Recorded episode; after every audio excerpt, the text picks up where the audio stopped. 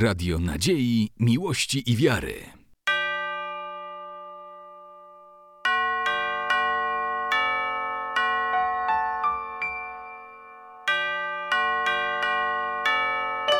Radio Ortodoksja. Kilka dni temu zostałem poproszony o przygotowanie słowa, wystąpienia tutaj dla Was w ramach Światowych Dni Młodzieży Prawosławnej. I zaproponowano mi temat o cudach, o znaczeniu cudów w życiu chrześcijanina, o tym, czym cuda są i czy cuda zdarzają się obecnie. Temat ten jest bardzo ciekawy, ale o ile ciekawy, o tyle tak samo bardzo skomplikowany i złożony. Bo samo zagadnienie cudów, moi kochani, jest bardzo obszerne. Znamy wiele cudów w historii biblijnej, czy żywoty świętych to też same w sobie wielkie skarbnice, kopalnie historii różnych cudów.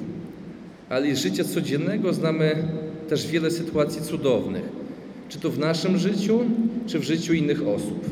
Ale co jest najtrudniejsze na samym początku, to określenie, czym właściwie jest cud. I od tego nasze rozważania zaczniemy. Czym jest, moi drodzy, cud? Klucz do definicji, czyli do określenia tego terminu cud, znajdujemy w kanonie pokajanym świętego Andrzeja z Krety. Zbliża się post. Zaraz będziemy ten kanon czytać w cerkwiach i w naszych prywatnych modlitwach i słyszymy tam w kanonie takie oto słowa. Бог і держа хощет, побіждається єстєства чин, творить боєліка хощет по-słowiańsku. Po polsku to słowo brzmią w ten sposób. Bóg, jeśli chce, to zwycięża porządek natury, czyni bowiem to, co chce. A zatem te słowa opierają znaczenie, rozumienie cudu na określeniu porządek natury, czy też prawa natury. I cud to zatem w tej definicji takie wzniesienie się ponad naturę, czy też ponad te prawa natury, przekroczenie pewnych praw, pewnych zasad, w jakich świat funkcjonuje. To wydarzenie ponadnaturalne, po grecku metafizyczne. Po grecku meta to jest ponad, fizis to natura, czyli metafizyczne, ponadnaturalne. No tak. Możemy zadać pytanie, dlaczego jest tak, że Bóg pewne prawa ustanowił, pewien porządek w świecie i jednocześnie narusza prawa tego porządku. Od czego zależy, kiedy cud się dokonuje, a kiedy się nie dokonuje. Zacznijmy od tego, że w takim rozumieniu cudu, jako właśnie pokonywania pewnych praw, cuda zdarzają się przez cały czas. Bo takich naruszeń porządku dokonuje człowiek nawet nieświadomie, bardzo często. Nawet taki przykład z życia codziennego. My rano wstajemy, pokonując grawitację. A jeśli w pełni rozluźnilibyśmy nasze mięśnie, to upadlibyśmy na ziemię i znaleźlibyśmy się w pozycji leżącej. Innym przykładem pokonania pewnych praw jest chociażby rozwój techniki. Bo człowiek wynalazł samolot i jest w stanie latać, a przecież skrzydeł nie ma. A naturalnym sposobem podróży człowieka jest przecież chodzenie. Człowiek wynalazł rakietę i jest w stanie zbić się z Ziemi na niebo, opuścić atmosferę i wlecieć do kosmosu. A przecież naturalnym miejscem człowieka jest właśnie stąpanie po ziemi. I w każdej z tych sytuacji widać pewną prawidłowość, a mianowicie, że wyższe siły zwyciężają siły niższe. Czyli na przykład rozum człowieka, który opracował technikę latania, stworzył silnik i inne urządzenia, jest w stanie pokonać fizyczne prawo grawitacji. Bo wola człowieka do działania, chęć tego, by wstać, by chodzić, jest w stanie na przykład pokonać zmęczenie czy chęć poleżenia sobie. I ta prawidłowość wyznacza nam pewną ważną cechę cudu. Bo cud, moi drodzy, nie jest naruszeniem, złamaniem porządku natury, ale jest pewnym przekroczeniem, podporządkowaniem sobie pewnego niższego prawa przez prawo wyższe, takim zatrzymaniem jego działania, czy też przebiciem się wyżej, choćby na chwilę.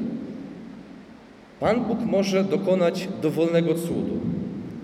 Może uczynić wszystko, bo jest wszechmogący i ma przeogromną miłość do świata i do ludzi, ale nigdy Nigdy Pan Bóg nie dokonuje cudów bezsensownych, niepotrzebnych, bo cud, który nie wniósłby, nie wniósłby nic dobrego na świat, nie byłby wydarzeniem ponad naturę, ale przeciw naturze.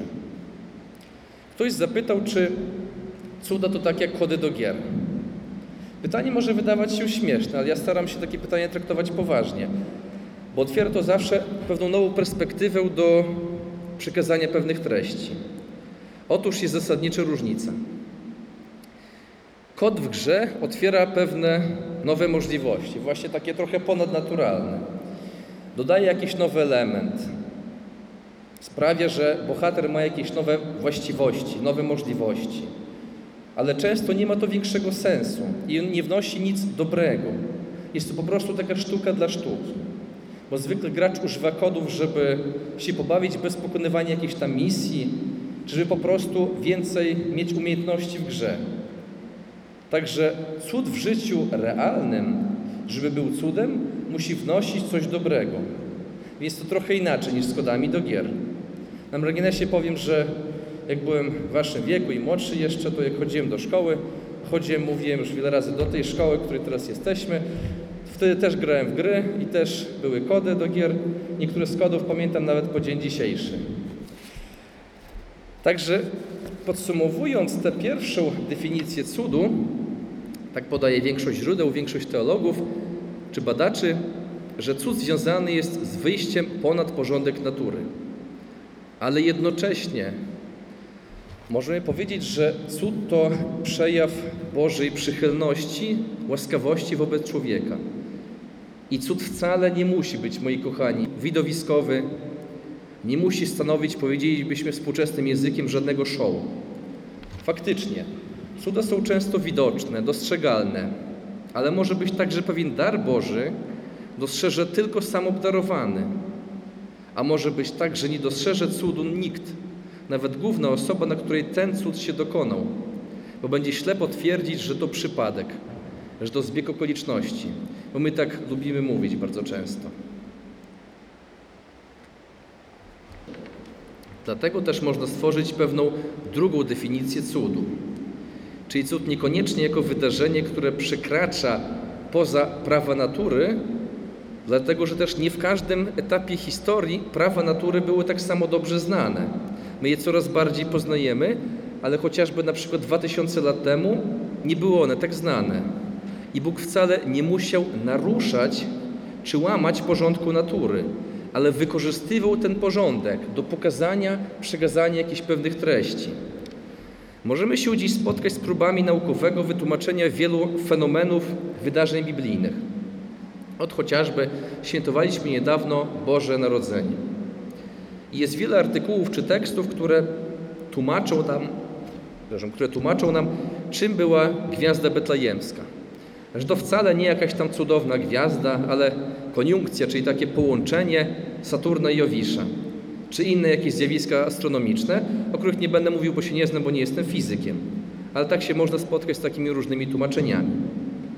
Tak samo na temat tej ciemności, która pojawiła się przy ukrzyżowaniu Chrystusa.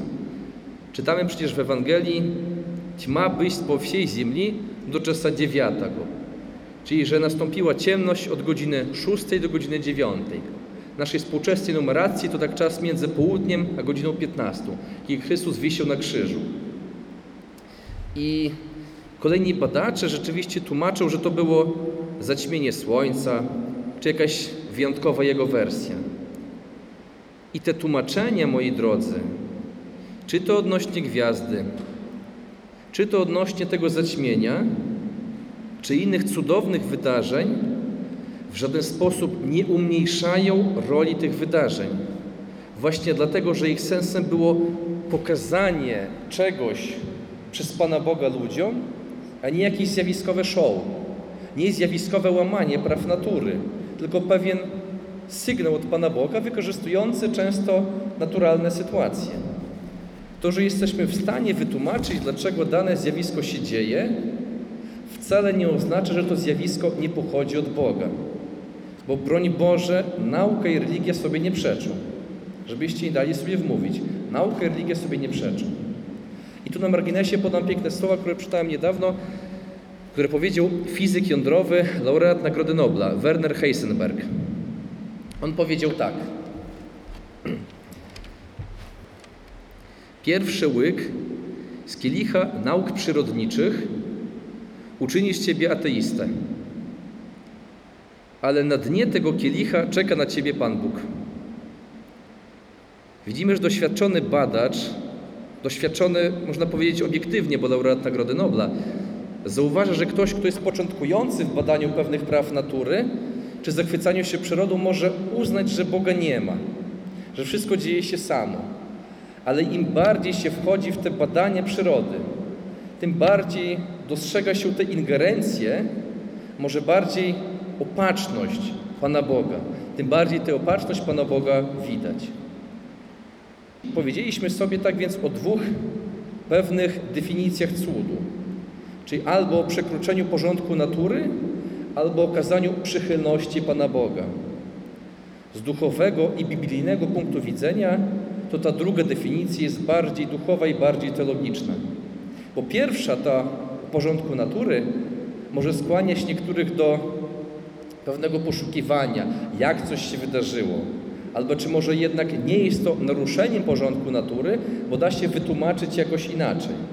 A ta druga definicja, czyli że to jest przychylność czy jakaś łaska Pana Boga, ona podkreśla obecność Bożą w cudzie i związek cudu z pewnym planem Bożym. Moi drodzy, a co znaczy samo słowo cud? To słowo, dawniej brzmiące w staropolskim jako cudo, czy też jak mamy w języku cerkiewno-słowiańskim czudo, pochodzi od czasownika czuć. Tak samo jak słowo stado pochodzi od czasownika stać. A więc cud pochodzi od czucia, od odczuwania. Wcale nie jest związane to słowo z czymś nadprzyrodzonym, z czymś niezwykłym, ale bardziej z naszym odczuwaniem danego wydarzenia. I słowo cudo jest bliskie znaczeniowo słowu podziw czy zachwyt. Sięgnijmy tu do języka cerkiewno-słowiańskiego. Na Boże Narodzenie śpiewaliśmy taką stichirę, taki tekst liturgiczny, gdzie jest mowa, że każde ze stworzeń przynosi Chrystusowi nowonarodzonemu dar wdzięczności. I tam jest tak. Przynoszą różne osoby czy elementy świata różne dary. Angeli pienie, czyli aniołowie przynoszą śpiew. Niebieса zwiezdół, czyli niebiosa przenoszą gwiazdę. Wółswi dary, czyli magowie, ci trzej magowie przynoszą dary. Pastry je czudo. Pastry je czudo, czyli pasterze przynoszą co? No właśnie co, bo czy pasterze przynieśli Chrystusowi jakiś cud? No nie. Pasterze ofiarowują swój zachwyt, swój podziw wobec tego wielkiego wydarzenia. I to taki klucz do zrozumienia tego słowa, że tu chodzi bardziej, moi kochani, o naszą reakcję, że my się zachwycamy, że coś jest godne zachwytu. Mamy przecież przymiotniki cudny, cudowny, też od cudu. Zatem etymologia, czy pochodzenie tego słowa mówi, zwraca uwagę, że cudem się zachwycamy, ale że i cudem jest to, co my określamy jako cud. I ten mechanizm językowy jest nie tylko w polskim czy słowiańskim, ale chociażby w języku angielskim, którego wszyscy się uczycie, a część z Was na pewno go dobrze zna. Po angielsku mówimy na cud a miracle, co pochodzi od łacińskiego mirari, a więc zachwycać się. A inne angielskie słowo na cud to wonder. I tak samo dotyczy czegoś wspaniałego. Przecież mówimy wonderful, na określenie, że tym się zachwycamy, coś jest wspaniałe, tak? Piękne, wspaniałe, wonderful. Też od czasownika, od rzeczownika cud. I moi drodzy, takim głównym źródłem opisu różnych cudów jest Pismo Święte. Cuda mamy już w Starym Testamencie. I spektakularne, i takie bardziej delikatne. Jozue wstrzymuje słońce. Sara w podeszłym wieku rodzi syna Izaka. Eliasz wskrzesza człowieka. Bóg zsyła na, farao, na faraona i na Egipt plagi. Ale przecież cudem było też całe stworzenie świata. I wreszcie mamy Nowy Testament. Chrystus czynił wiele cudów. One, te cuda w, pi w Piśmie Świętym, w Ewangelii, są pogrupowane na takie cztery kategorie. Po pierwsze, Cuda nad naturą fizyczną, chociażby przemiana wody w wino. Po drugie, po drugie, egzorcyzmy, czyli uwolnienie opętanych, wypędzenie demonów. Po trzecie, uzdrowienia, chociażby paralityka, ślepego. I po czwarte, wskrzeszenia, na przykład łazarza. My takich cudów, moi drodzy, w w Ewangeliach mamy wiele, ale najważniejszym z cudów, jakiego dokonał Chrystus, to było to, co było celem Jego przybycia na ziemię. To było Jego zmartwychwstanie. To, że został ukrzyżowany za nas grzesznych, że stąpił do otchłani piekielnej i wyprowadził stamtąd wszystkich sprawiedliwych i otworzył nam bramy raju dla wszystkich. I to był największy cud Jezusa Chrystusa. Największy cud w historii ludzkości. Inne są nieporównywalnie mniejsze. I cudowne było wszystko, co dokonało się też w ramach przygotowania do tego wydarzenia. My to w teologii nazywamy określeniem plan zbawienia. A cudowne było chociażby to, że Matka Boża była dziewicą i przed narodzinami, i w trakcie, i po narodzinach. Ale cuda czynili też dalej święci apostołowie. Czynili je potem inni święci. Żywoty świętych, tak jak wspomniałem, taka sama kopalnia historii o cudach.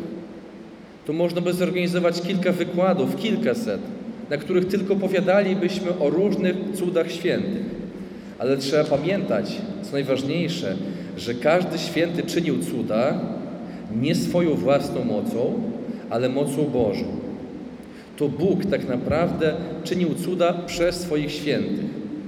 I ta linia cudów, a może bardziej linia nieustannej opieki Boga nad światem, trwa po dzień dzisiejszy, non-stop. Mamy wiele większych lub mniejszych sytuacji dziwnych, ciekawych, powiedzielibyśmy nadprzyrodzonych. Ale cuda, moi kochani, trzeba umieć dostrzegać. Trzeba mieć otwarte oczy. To nie muszą być rzeczy spektakularne, to mogą być sytuacje drobne z naszej codzienności. I tu bardzo prosty przykład. Opowiem Wam, słuchajcie, o sytuacji chociażby z przedwczoraj. Przedwczoraj przyszli do kancelarii młodzi parafianie mówić się na chrzest swojego syna. Pytam o imię, mówił, że imię Eryk. Imię Eryk, no imię piękne, skandynawskie, ale nie ma go w naszym kalendarzu, nie ma świętego Eryka w prawosławiu. W takiej sytuacji zwykle jest normą, że wybiera się imię o podobnym brzmieniu świętego prawosławnego, zwykle na tę samą literę. Otwieram zatem spis imion. Pisz, patrzę tak, Erm, Erasm, Erast, Jermołaj i ostatnie imię Efrem. Oczy nam się zaświeciły, a ja sobie przypominam, że dziś jest dzień świętego Efrema Syryjczyka, czyli przedwczoraj, można sprawdzić w kalendarzu, 10 luty. Łatwo do zweryfikowania. Przypadków nie ma. Malutki chłopczyk na moje zawołanie Efremko się uśmiechnął. I nasnęła się taka prosta refleksja. Przecież to też rodzaj pewnego cudu. Nie spektakularnego, nie widowiskowego, ale takiego drobnego. Właśnie, że rodzice przyszli umówić się na chrzest dziecka, który będzie za miesiąc, właśnie w tym dniu, w którym wypada pamięć świętego, który ma tak podobne, imię, podobne brzmienie imienia. A nosi takie imię przez święty Efrem bardzo odpowiada w tej sytuacji. I tu święty na pewno zadziałał dość mocno, bo przyznacie mi rację, że to jest bardzo rzadkie imię Efrem, tak, dla dziecka. I imię piękne, ten święty towarzyszy nam przez cały Wielki Post. Bo czytamy w poście modlitwę świętego Efrema Syryjczyka. Także przyszli rodzice z Erykiem, wyszli z Efremem.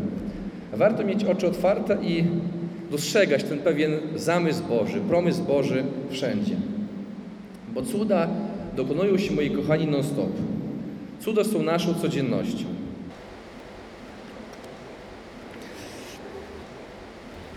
Cuda są, słuchajcie, naszą codziennością. Jest taka historia, ją czytamy w, 12, w 20 niedzielę po Pięćdziesiątnicy, kiedy Chrystus skrzesza syna wdowy z Naimu. I to jest, co jest ciekawe w tym opisie, to taka wzmianka, że gdy ten młodzieniec wstał, już skrzeszony, to wszystkich ogarnął wielki strach. Co to za strach, moi drodzy? To strach, który pojawia się u człowieka na widok czegoś, czego się nie spodziewa. Bo my chcemy w życiu rzeczy wielkich. My chcemy pomocy Bożej, cudownej ingerencji w nasze życie. Ale kiedy to się dokonuje w bardzo mocny sposób, wtedy nas ogarnia strach, napada na nas strach. Bo mimo, że tego chcieliśmy, to się tego boimy. Bo wtedy to się działo w naszych wyobraźni, w naszych marzeniach, w myślach, a tu jednak dzieje się naprawdę. Ale ten strach przed cudem, moi kochani, to strach Boży, to bojaźń Boża. My w cerkwi modlimy się używając tego określenia. Na Ektenii jest taka prośba za tę cerkiew i za tych, którzy wchodzą do niej z wiarą i bojaźnią Bożą, z strachem Bożym. A dlaczego my powinniśmy w cerkwi odczuwać strach? Dlaczego bojaźń Boża jest potrzebna w cerkwi? Dlatego, że w cerkwi my też, moi drodzy, jesteśmy świadkami cudu. Cudu jeszcze większego niż ten cud skrzeszenia tego chłopca z Nain, czy jakiegokolwiek innego cudu. Przecież na każdej liturgii, na każdej liturgii dokonuje się największy cud na ziemi. Chleb i wino przemieniają się w ciało i krew Chrystusa. I na widok tego cudu również powinniśmy odczuwać strach. I powinniśmy pragnąć w tym cudzie uczestniczyć. Przecież to jest też cud. Ale nie. My często wolimy po swojemu. Wolimy, żeby cud był jakimś show, jakimś wielkim wydarzeniem. Chcemy spełnienia jakichś naszych zachcianek, naszych próśb. Boże, uczyń cud, żebym się nauczył w noc do egzaminu. Żebym dostał piątkę tam, czy czwórkę z klasówki. Cud, cud, cud. A w cudzie pryczastie Eucharystii to już różnie bywa z naszym uczestniczeniem. A przecież to jest największy cud, jaki mamy. Na dodatek jeszcze dostępny praktycznie codziennie.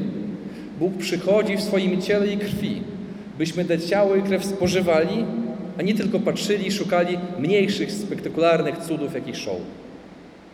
Ale cuda są też oczywiście mniejsze. I czasem możemy spotkać się z pewnym sceptycznym podejściem wobec cudów. Czasem pewien sceptycyzm u niektórych wierzących osób, czy nawet u duchownych, i może nie tyle sceptycyzm, co bardziej ostrożność i zachowawczość, wynika nie z tego, że ktoś w te cuda nie wierzy, tylko z tego, że na przykład my duchowni, uwierzcie, żyjemy cały czas w pewnej strefie cudów. I to nie jest, i to często jest dla nas tak naturalne, że ktoś opowiada o czymś cudownym, jakimś cudownym wydarzeniu, to można to traktować jako coś zupełnie normalnego. Bo przecież mamy świadomość, że Pan Bóg przez cały czas działa w świecie. Cały czas troszczy się o ludzi. Więc te cuda są normalnością w naszym życiu. Nie czymś dziwnym, tylko czymś normalnym. A trzeba dodać, że dzisiejszy świat jest coraz bardziej grzeszny. Coraz bardziej promuje złe wzorce. A jak pisze święty apostoł Paweł, te słowa przytoczę najpierw po cerkiewno-słowiańsku, i że umnoży się grzech, tam preizbytoczy słowo blagodać. A zatem, proszę uwagę, gdzie się rozmnożył grzech, tam tym bardziej obfitowała łaska. Czyli, że im jest gorzej i grzeszniej, tym bardziej Pan Bóg chce działać, chce pomóc człowiekowi, tym bardziej ta pomoc jest potrzebna. Ta pomoc, czy też interwencja Boża. I te słowa niosą ważny ładunek, ważną informację, a mianowicie – właśnie tam, gdzie mnoży się grzech, gdzie mnoży się pewna niewiara, pewne powątpiewanie, tam potrzeba pewnych znaków i tam pojawiają się cuda, bo służą one wzmacnianiu naszej wiary. A zatem wszelkie cudowne wydarzenia, chociażby cuda religijne, nie wiem, mirotoczenie ikon, płakanie ikon, cuda eucharystyczne, zwłaszcza w Kościele Zachodnim bardziej może te cuda mogą mieć różne przyczyny i mogą być to zarówno wyrazy szczególnej łaski i wzmocnienia, ale też może to być pewien sygnał, że coś jest nie tak, że jest jakiś kryzys wiary, jakiś problem duchowy na tyle duży, że potrzebujemy cudów. Skoro Pan Bóg zdecydował, że cuda powinny się pojawić. A zatem cuda są sprawą bardzo, jak widzimy, skomplikowaną. I skomplikowana jest tak samo, moi drodzy, przyczynowość tych cudów. Czyli dlaczego coś się zdarza jednym, a nie drugim. Ja myślę, że tutaj takim najbardziej dostrzegalnym przykładem, najważniejszym przykładem takich ważnych dla nas cudów, o jakich możemy pomyśleć, jest kwestia uleczenia czy uzdrowienia od jakichś chorób. Dlaczego jedni chorzy na jakieś ciężkie choroby umierają, a inni nagle doznają uzdrowienia i w niewyjaśniony sposób ich choroba mija. Metodę działania tego mechanizmu zna tylko Pan. I to nie jest tak. Nie jest tak, że kto doznaje cudu uleczenia, jest lepszy czy świętszy od tego, kto tego cudu nie doświadcza. Ktoś się męczy, czy kto umiera. Nie. Jest taka piękna książka, tam gdzie nie widać Boga. Napisał ją biskup Nikolaos Hadzi Nikolał, który był też i hierarchą, ale był bardzo związany naukowo z medycyną. I on opisuje w swojej książce różne właśnie cuda uzdrowień chorych osób, ale też sytuacje beznadziejne, które też kończyły się pozornie beznadziejnie. I takim elementem trzymającym w napięciu tej książki jest to, jak się ona skończy, jakie będzie jej przesłanie.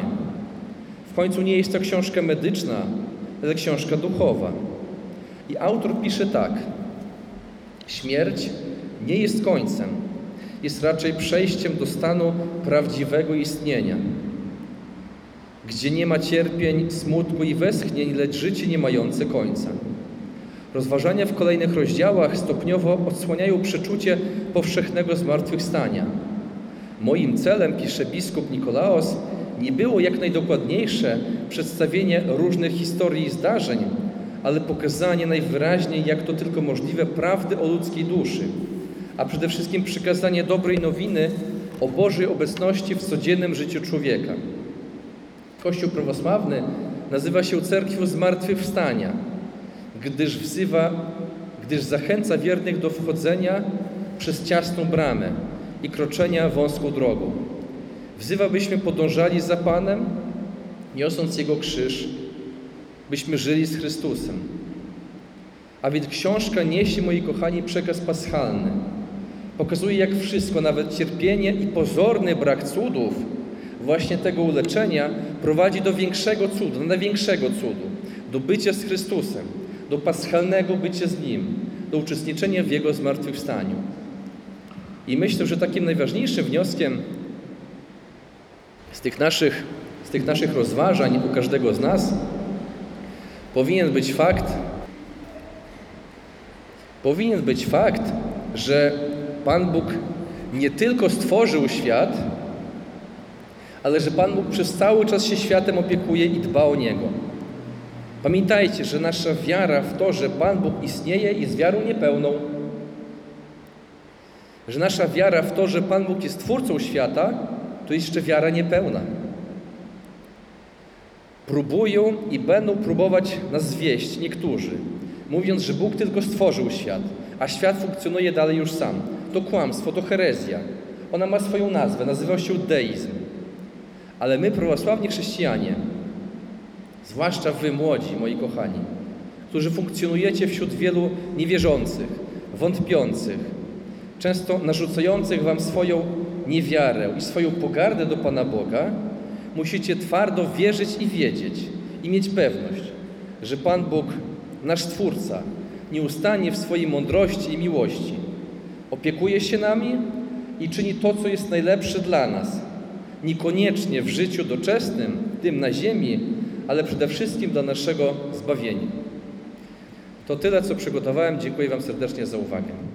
Radio Nadziei, Miłości i Wiary.